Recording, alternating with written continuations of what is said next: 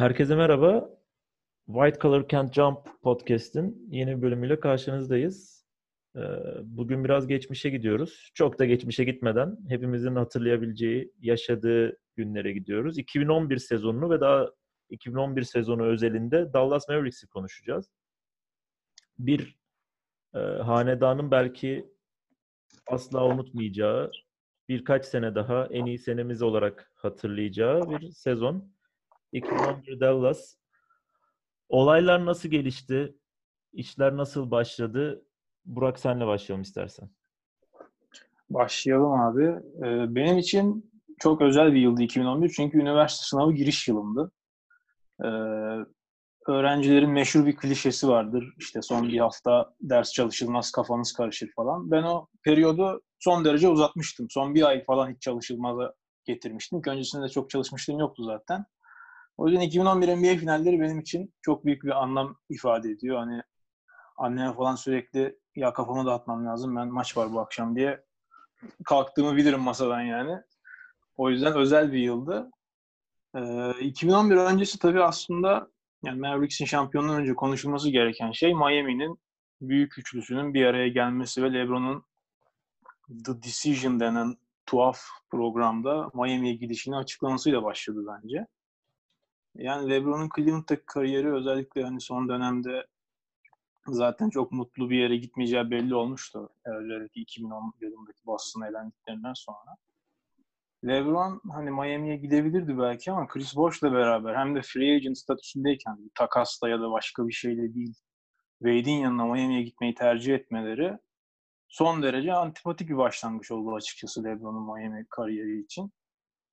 Ki o meşhur bir basın toplantısı vardır hatırlarsınız basına tanıtıldıkları Wade, Bosch, LeBron yan yana. LeBron'un bir değil, iki değil, üç değil 8-10 tane kazanacağız şampiyonluk diye. Artık yani şeyin zirvesini oynadı antipatikliğin. En büyük LeBron fanlarının bile bence yani bu kadar rezil bir başlangıcı nasıl yaptı diye konuştuğunu hatırlıyorum. Miami'nin bir araya gelişiyle beraber 2010-2011 sezonunun en büyük favorisi bahislerde de öyleydi zaten. Aslında Miami Heat oldu. Dallas Mavericks açısından aslında aynı şeyi söylemek çok zor. Çünkü zaten orada sezon içinde Nowitzki'nin yanındaki en büyük oyuncuları Caron Butler'ı kaybettiler. Ki Dallas'ın öyle sezon boyunca şampiyonluk için aman aman bir iddiası hiç yoktu. Orada playofflarda bence önlerini açan yegane şey San Antonio'nun ilk turda bence Memphis'e 8. sıranın elenmesi oldu ki olağan şüphelilerden birinin elenmesi sadece Lakers'ı ve genç Thunder önlerinde bıraktı.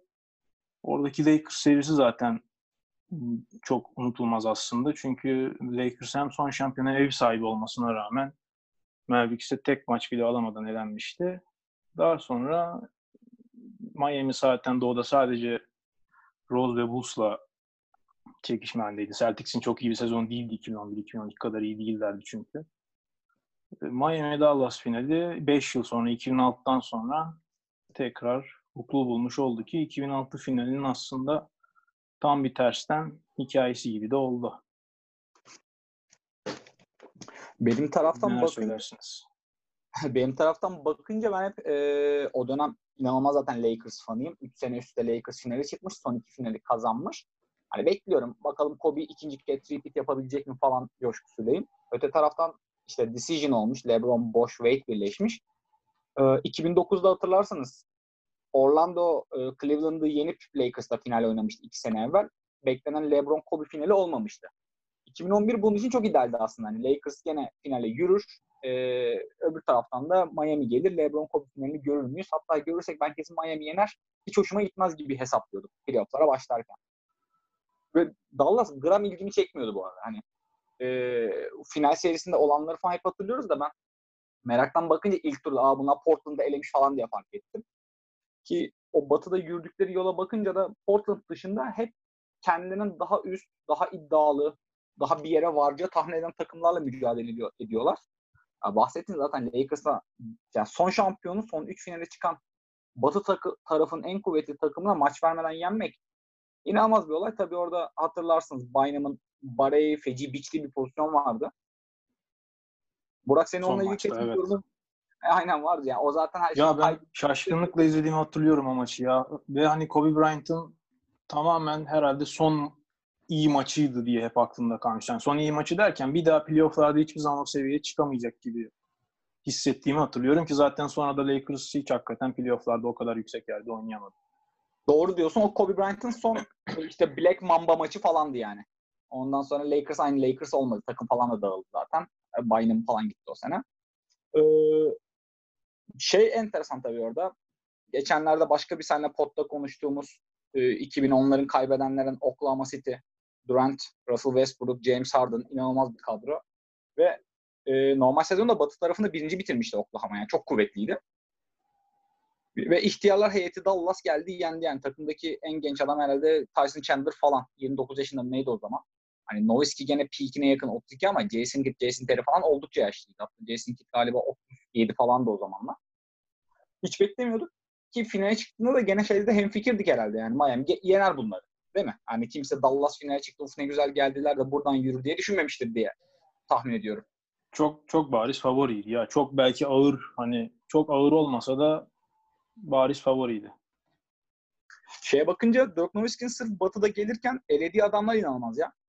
İlk turda Portland'da LaMarcus Aldridge, Gerald Wallace, Marcus Camby, Brandon Roy inanılmaz böyle komple bir Portland var.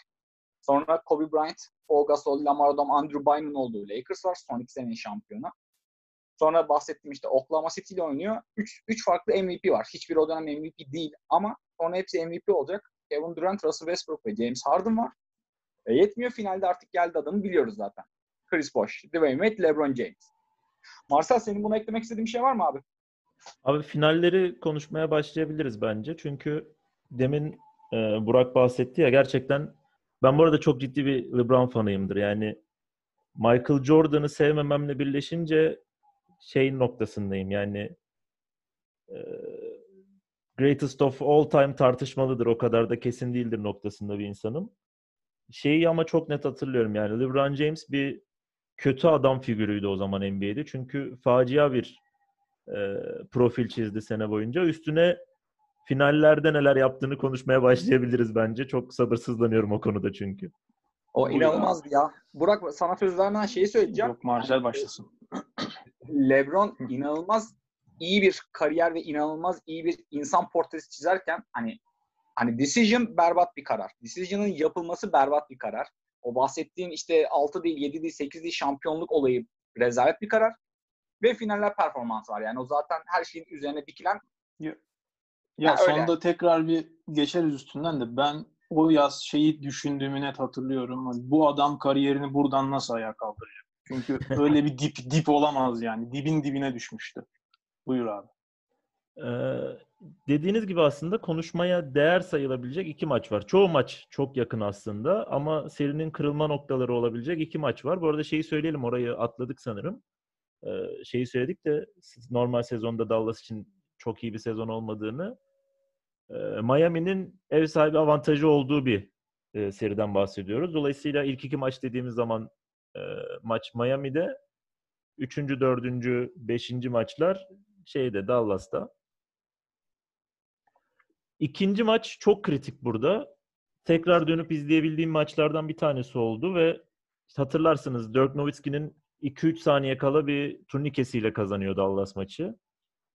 Abi o pozisyonu tekrar izlediğimde insan canlı olarak şahit olduğunda fark edemiyor da Miami savunması ki sonraki yıllarda hep savunmasıyla anacağımız bir takım oldu o Miami. Çok büyük süperstarlarına rağmen e, muhtemelen Spoelstra'nın dokunuşuyla inanılmaz bir savunma takımına dönüşmüşlerdi.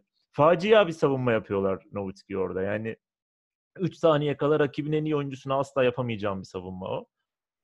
Orada bir kere zaten evinde bir maç kaybediyorsun. Ee, oradan seri dönüyor. Sonra facia bir dördüncü maça geliyoruz. Aslında Dallas'taki ilk maçı da Miami kazanıyor. Gene iki sayı farklı da dördüncü maç çok net bir kırılma bu seride. Onu Burak böyle ufak detaylarıyla daha iyi anlatır bence. Şu yaşanmıştı.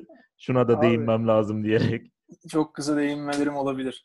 Ee, ya dördüncü maç zaten tek başına hikaye olur da ya birinci maçtan sonra özellikle Miami'nin hani çok yine yakın geçen maçta tek hanelerde bitmişti ama Miami'nin çok zorlanmadan kazandığı bir maçtı mesela ilk maç. Ya ondan sonra ben herkes gibi ki bence herkes öyle düşündü. Ya Miami buradan 2-0 yapıp Dallas öyle gider. Oradan da bir maç alıp herhalde içeride 4-1, 4-2 ya da orada bitirir diye ben düşünüyordum ilk maçtan sonra. İkinci maçın da son çeyreğinde aslında yanlış hatırlamıyorsam 15 sayı falan öndeydi Miami. Aynı 2006'daki şey gibi. 2006'daki Miami'nin 3. maçtaki dönüşü tersten yaşandı bu sefer. Nowitzki'nin inanılmaz bir performansı vardı son çeyrekte. O dediğin Chris Bosh'un üstüne attığı turnikeyle zaten bitirmişti. Ya o maçın döndürülmesi tamamen işi değiştirdi diyemiyorum. Çünkü üçüncü maçı Miami yine kazandı ve 2-1 ipleri eline aldı. Hani çok fazla sarsılmış olsalar ikinci maçta aslında üçü de kaybetmeleri gerekirdi. Ben 2-1 yaptığımda Miami yine ya tamam Dallas o maç fantastik bir şekilde döndü ama kazanmaya güç, güçleri yetmez diye düşünüyordum hala.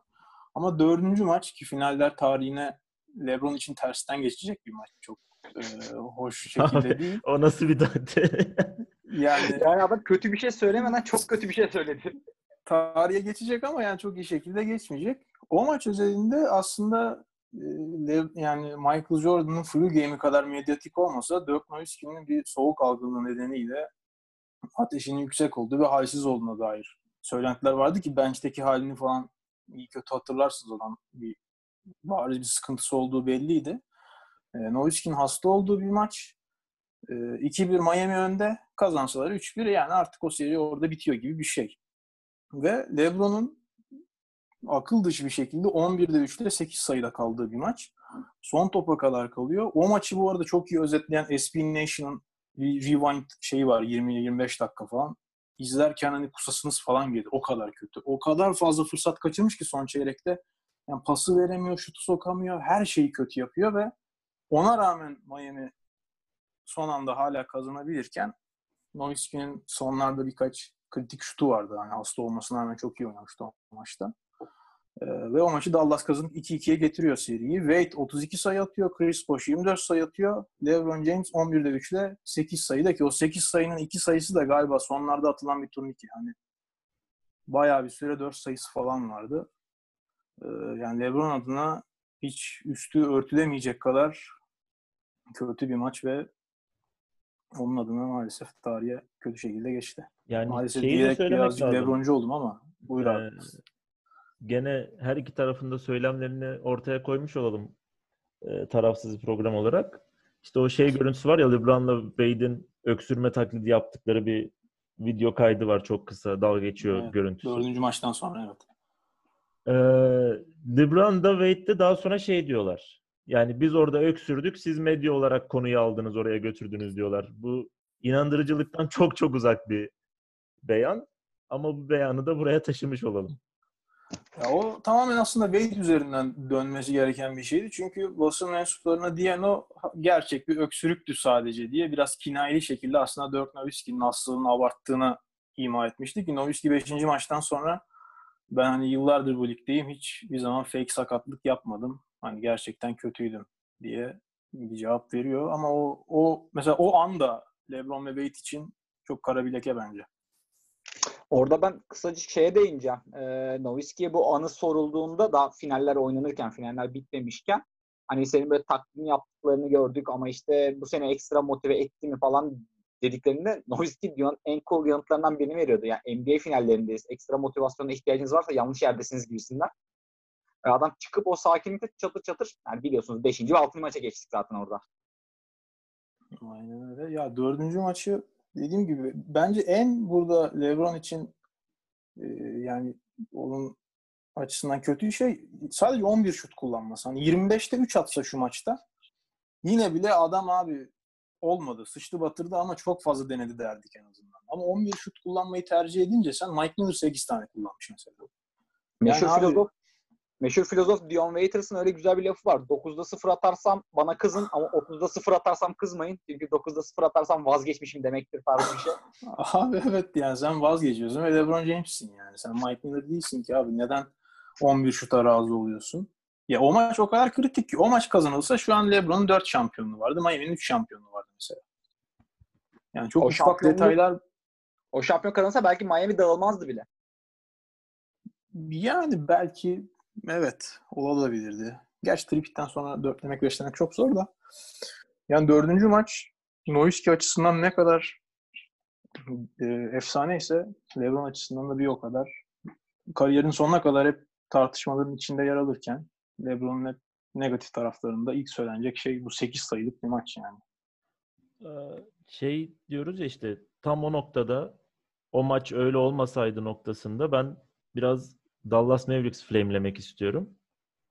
O maç öyle dönmese ve muhtemelen LeBron James bildiğimiz LeBron James gibi oynayıp seriyi 3'ü 1 üre getirip dönülemez bir noktaya getirse bir önceki programda, bir önceki veya iki önceki programda konuştuğumuz yüzük meselesinde Dirk Nowitzki üzerine, Jason Kidd üzerine çok ciddi bir tartışma yürütecektik muhtemelen. Çünkü 2011 sezonu çıkarttığımızda ki e, belki aklınıza gelen başka takımlar oluyordur da şampiyon olan takımlar arasında 2011 Dallas benim bildiğim e, beklenenin en üstüne çıkan takım. Sezon başı beklentilerinin. Ee, Vallahi konuya... yani bir de, anca bir de Toronto'yu söylerim geçen sene. Doğru diyorsun. Doğru. Doğru. Toronto belki ama işte o e, hissiyatları falan vardı yine geçen sene hani Durant yoktu şey yoktu ya.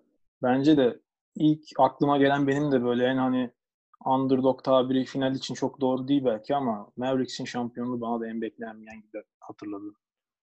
İşte bu şampiyonluğu çıkardığımız zaman hem Dirk Nowitzki'nin hem de Dirk Nowitzki'li Dallas'ın korkunç bir karnesi var esasında. En Hatta tepeye çık... Car- Özür dilerim. Rick Carlisle'ı da eklememiz gerek bence. Doğru. Olabilir. Bahsedeceğim sezonların bir kısmında koç e, Rick Carlisle değildi tabii.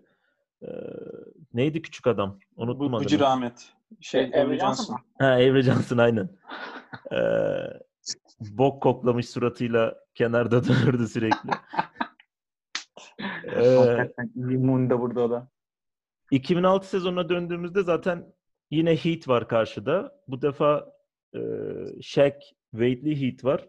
Bu konuya daha sonra döneceğim ama şu anda söylersek finaller tarihinde 2-0'dan maç veren ilk takım olmuştu Dallas. 4-2 yenilmişlerdi. Ondan sonra 4 sene boyunca sürekli bir facia var Dallas'ta aslında. Yani bu 4 senenin üçünde zaten ilk turda kaybediyorlar. Bunlardan bir tanesi çok net hatırladığımız seneyi 67 galibiyetle bitirip e, sonra Baron Davis'e yenildikleri ilk turda 8. sıradan giren Warriors'a yenildikleri e, sene var. Ondan sonra işte Hornets'a eğleniyorlar. Konferans yarı finalinde Nuggets'a eğleniyorlar falan derken facia bir loser takım var. Bu şampiyonluktan sonra 2011 şampiyonluğundan sonra zaten neredeyse esamesi okunmadı diyebileceğimiz bir karne var. Ee, evet de Dirk de yaşlanmıştı. Çok üstüne gidemiyoruz da e, hep bir kötü karne var elde aslında ki zaten 2011 şampiyonluğuna kadar Mark Cuban da hep çok net hatırlıyorum dalga geçilen ara sıra abuk söylemlerle gündeme gelmeye çalışan fakat takımı bir türlü ön plana çıkaramayan bir takım sahibiydi. Bu şampiyonluktan sonra geçen gün izledim. Ee, NBA üzerine akil yorumlar yapabilecek bir adam muamelesi görmeye başladı adam yani. İşte biz o sene NBA'yi değiştirdik falan gibi laflar edebiliyordu. Ee, dolayısıyla Q, bugün bir sonraki seçime aday falan olacağım demişti en son. Oradan biliyorum da. Herhalde Dallas'ta artık yapacağı çok bir şey kalmamış. Ya herhalde Trump seçildikten sonra ulan bende de para var neden olmasın dedi. evet evet bayağı konuşuldu da. Neyse devam et abi. Bir tek bir de şeye dönmek istiyorum. Ben 2006 ile kıyasladığımda işte bu mevzuyu konuşacağımız zaman 2006 kadrosunu 2011 kadrolarını yan yana koydum. Sadece o 5 senede bile şey çok net fark edilebiliyor ya. Yani o zamandan beri de çok değişti. Ama NBA'de şampiyon takım kurmak o 2000'li yılların ortasından 2010'lara kadar inanılmaz zorlaşmış. Yani o 2006'daki şampiyon e, Miami kadrosuna baktığın zaman Shaq Wade'i söylüyorsun. Evet yanında işte Jerry Payton'lar var, Morning'ler var. İsim olarak çok fazla isim var ama sahaya koyduğunda Wade oynuyordu, Shaq oynuyordu. Karşılarında da aslında Nowitzki ile Terry var. Bir de Josh Howard'ın çok gönüllülüğü var. İşte Jampier sadece sahada şey için var. Shaq'le kavga etmek için var. O zaman saçma bir Devin Harris hype'ı vardı hatırlarsınız belki. Çok acayip bir topçu evet, olacak evet. bu çocuk diye. Slam'de falan kapak konusu oluyordu Devin Harris o zamanlar. Hiçbir şey de olmadı. Devin Harris galiba geçen sene hala Dallas'ta oynuyordu bu arada. kadar takip evet. etmiş olabilir. Evet, evet. Ee, öyle bir ligin zorlaşması açısından da 2011 Dallas çok e, güzel bir örnek. Nitekim o zamandan beri de böyle şey bir hal yaşamadık. Yaşamamız da gitgide zorlaşıyor gibi gözüküyor. Yani toplama gözüken bir takımın kesin yaparlar, iyiler diyemeyeceğimiz bir takımın başarıya ulaşması gitgide zorlaşıyor gibi. Dediğine katılıyorum açıkçası. Hatta o Dallas kadrosunun kuruluşuyla benzer aklıma gelen gene son şampiyon. Toronto'nun kuruluşu birazcık benziyor. Yani bir tane çok net süperstarı var ve çok iyi tamamlayıcı parçalar var. Hani Jason Kidd'le mesela Mark Gasol'u benzer örnek verebilirsin artık. Yani bu adamlar yaşlılar, ayakları pek hareket etmiyor ama çok zekiler ve bir katkı verebiliyorlar. Ee, orada mesela atıyorum Barria'dan, Jason Terry'den aldığın ekstra katkılar vardı. Onu genelde işte Siakam acayip bir adama dönüşerek verdi gibi geliyor bana. Ee, bir de aslında Dallas takımını genellikle hani %60-70 Nowitzki üzerinden birazcık Terry üzerinden anlatabiliriz. Genelde yani e, narratif bu şekildedir. Ama ben o takımın çok ciddi underrated bir savunma takımı olduğunu düşünüyorum. Çünkü yani Sean Marion, Jason Kidd, Tyson Chandler çevresinde çok iyi bir savunma takımı. Ve özellikle 5. E, ve 6. maçlarda Miami'ye yaptıkları o işi gösteriyor. Yani Miami'nin bütün şut tercihleri yanlış artık son iki maçta. Yani Wade ve LeBron tamamen hero ball oynamaya çalışıyorlar. Abuk subuk birebir de bir şeyler yapmaya çalışıyorlar ve çok doğru kapamalarla Marion'ın ve Chandler'ın ota altında can sıkıcı savunmalarıyla Miami orada zaten çok rahat bitiriyorlar. Ya şeyin Deshaun Stevenson'ın kafayı LeBron'a acayip taktığını hatırlıyorum. Hatta evet, şampiyonluktan evet. sonra dövmesini mi ne yaptırmıştı? Rahatsız. LeBron'a dis atan bir şekilde hani bir zamanlar Ruben Patterson Kobe Stopper olarak kendini tanımlamıştı ama Kobe her maç 30 atıyordu ya. Bu da ona benziyordu. Hani Stevenson ben LeBron'u çok iyi durduruyorum. Gerçekten LeBron'a rezil olduğu bir seriydi ama Stevenson'ın bayağı kafaya taktığını hatırlıyorum LeBron'a. Ee, bu arada... Stevenson güzel bir Pardon. Evet, Stevenson güzel abi. bir hareketi vardı böyle. Attıktan sonra elini yüzünün önünde falan gezdiriyordu. Böyle hakikaten evet, çok sinir bozucu bir adamdı. Bir anlamı vardı o hareketin ya. Şu an unuttum. Ee, bu arada çok detaylarına hakim değilim. İşte Cuba'nın 2011 Dallas'la alakalı konuştuğu bir röportajını okudum. Mesela Stevenson, Barea, Terry, Nowitzki, Marion herkese uzun uzun övüyor. Herkese uzun uzun anlatıyor. Nasıl getirdik, nasıl yaptık, nasıl birleştirdik falan. Abi Jason Kidd'in adını geçirmiyor adam. Yani Jason Kidd asla o takımda olmamış gibi davranıyor. Orada muhtemelen bir kavga hadisesi var da ben hakim değilim açıkçası. Yani Kidd'in de biraz kişiliğine az çok yıllar içinde gördüğümüz için mümkün olabilir muhtemelen. Belki atmış olabilir. Kidd'in Ama... arıza çıkarmadığı veya takım arkadaşının karısına yavşamadığı hiç olaysız senesi yok ya. Ezgi'nin çok çirkin bir oğlu vardı hatırlıyorsunuz değil mi? All-Star maçlarında çıkıyordu. Koca kafalı böyle. bir ara da Jason Kidd karısını falan dövmüştü Phoenix'te oynarken. Evet evet. Acayip bir adam ya kişilik olarak yani. Abi şey bu arada e, Burke konusunda ben de birkaç bir şey söylemek istiyorum. O bence mesela loser sıfatının yanına hiç e, hani sakil durmayacağı bir kariyeri vardı 2011 öncesine kadar. 2006'yı 2-0 hatta 3-0'dan kaybetmişsin artık. Orada 3. maç zaten facia. 2007'de MVP'sin. Ligin en iyi takımı 8. sıradan Warriors'ı eleniyor. Sonraki yıllarda zaten çok fazla bir şey yapamıyor. Ben o yıllarda hep mesela Dirk Nowitzki'nin hakikaten evet loser etiketinin içine uyan bir tanım olduğunu düşünüyordum. 2011 onu tamamıyla yıkması açısından onun için çok önemli oldu. Mesela 2007 MVP konferansını hatırlar mısınız bilmiyorum. YouTube'da hala vardır herhalde. Onlar ilk turda elendikleri için MVP ödülünü daha sonra almak zorunda kaldı. Normalde ikinci turun ortasında falan açıklanıyor MVP ödülü. Abi o basın toplantısı huzur şey gibi, cenaze evi gibi. Çünkü adam zaten elenmiş, üzgün. Herife MVP ödülü veriyorlar. 8. sıradan gelen takıma elenmiş. Ağlamaklı artık hani bu işkence gibi falan diyor hatta. Hani burada bu ödül almak çok zor bir his benim için falan. Orada Mark Cuban'ın mesela benim onu her zaman takdir ettiğim konulardan biri inanılmaz bir bağı olması Nowitzki ve Dallas'a karşı. Hatta o yıl Nowitzki hakkında tartışmalar doğal olarak döndüğünde onun liderliğini ve oyunculuğunu sorgulayanlar tamamen aptaldır. Hiçbirine katılmıyorum diye çok sonuna kadar arkasında duran açıklamalar yapmıştı. Yani 2011 şampiyonluğu bence Cuban'ın Nowitzki'nin de yıllardır e, Dallas hani sorgusu sualsiz verdikleri şeyin karşılığını alması açısından çok çok değerli oldu. Zannediyorum konuyu bitirdik. Ee, Yani Son- artık- yani şeye değinmedik ya son iki maçın ama çok da bir şey yok orada yine. Liverpool'un Yani berbat Ekstra performanslarından. Cube, Cube'un güzellemeyeceksek aslında benim de aklıma ekleyecek pek bir şey gelmiyor şu an. Belki şeye ekleyebiliriz. Son 6. maçtan sonra yine Nowitzki'nin soyunma odasına gittiği bir an vardı hatırlarsınız. Maç daha bitmeden falan. Yok oldu evet aynen kayboluyor. Onu daha sonra ya benim biraz kendim toparlamam lazımdı. Çünkü çok hani şey oldum. Ya, salya sümük olmak istemedim insan içinde falan gibi bir açıklaması vardı. Ki o son birkaç dakika, son 30 saniye falan artık garantilemişti yani. Şampiyonlukları kesin gibiydi. Dallas'ların hali hiç benim hayatımda görmediğim bir şeydi mesela. Kimse inanamamış şampiyon olduğuna. Yani herkes şaşkın bakıyordu. Ve 6. maçtan sonra mesela LeBron'un basın toplantısı her şeyin üstünde tüy diken cinsinden olmuştu. Çünkü LeBron'a bir soru gelmişti hani bununla nasıl baş edeceksin diye. O da ben yine kariyer hayatıma devam edeceğim LeBron James olarak. Siz de kendi e, tırnak içinde hani işte kıytırık hayatınıza devam edeceksiniz gibisinden. İnanılmaz tüy diken bir açıklaması vardı. Hele onu da gördükten sonra yani bu adam herhalde buradan hiçbir şekilde imajını düzeltemez. O da tam tersi bir şekilde imajını çok çok terse çevirecek şeyler yaptı daha sonra ve bir ilk şampiyonluğunu da bu finale atıf yaparak demişti ki iyi ki kaybettik çünkü benim kişisel olarak da gelişmemde çok önemli bir oyun diye müthiş bir sıvama yaptı. Son olarak e, Miami'nin o serideki ihtiyarlar heyeti, heyetine de bir selam vermiş olalım. Çünkü bu kadar Evet. konu üzerine konuştuk. Çok yaşlı insanlar. Onlar hakkında konuşmasak ayıp olacak gibi hissediyorum. Ya şu anda insan geriye döndüğünde hemen o isimler aklına gelmiyor çünkü hiç oynamıyorlardı neredeyse de.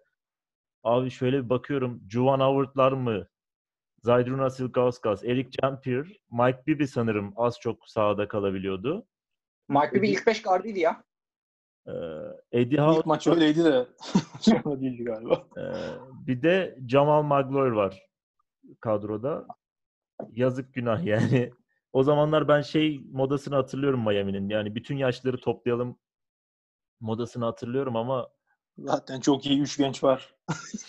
Yaşlılarla olur herhalde diyorum. Geçen konuştuğumuz e, yüzük kovalamanın bayağı zirvesi oradaymış ya. Herkes almışlar yani. Evet. Yani 2011 Olduğuna finallerinde göre programı kapatabiliriz sanırım. Derin bir sessizlikle vedalaşalım o zaman. Buradan Nowitzki ve şampiyonluğunu ki bugündü şampiyonluk günleri. Bunu Aynen. planlayarak Dokuz konuştuk yani. Tesadüf değil bunlar. 9 yıl sonra Nowitzki ve Dallas'ı kutluyoruz. O zaman görüşmek üzere Bir beyler. sonraki bölümde görüşmek üzere.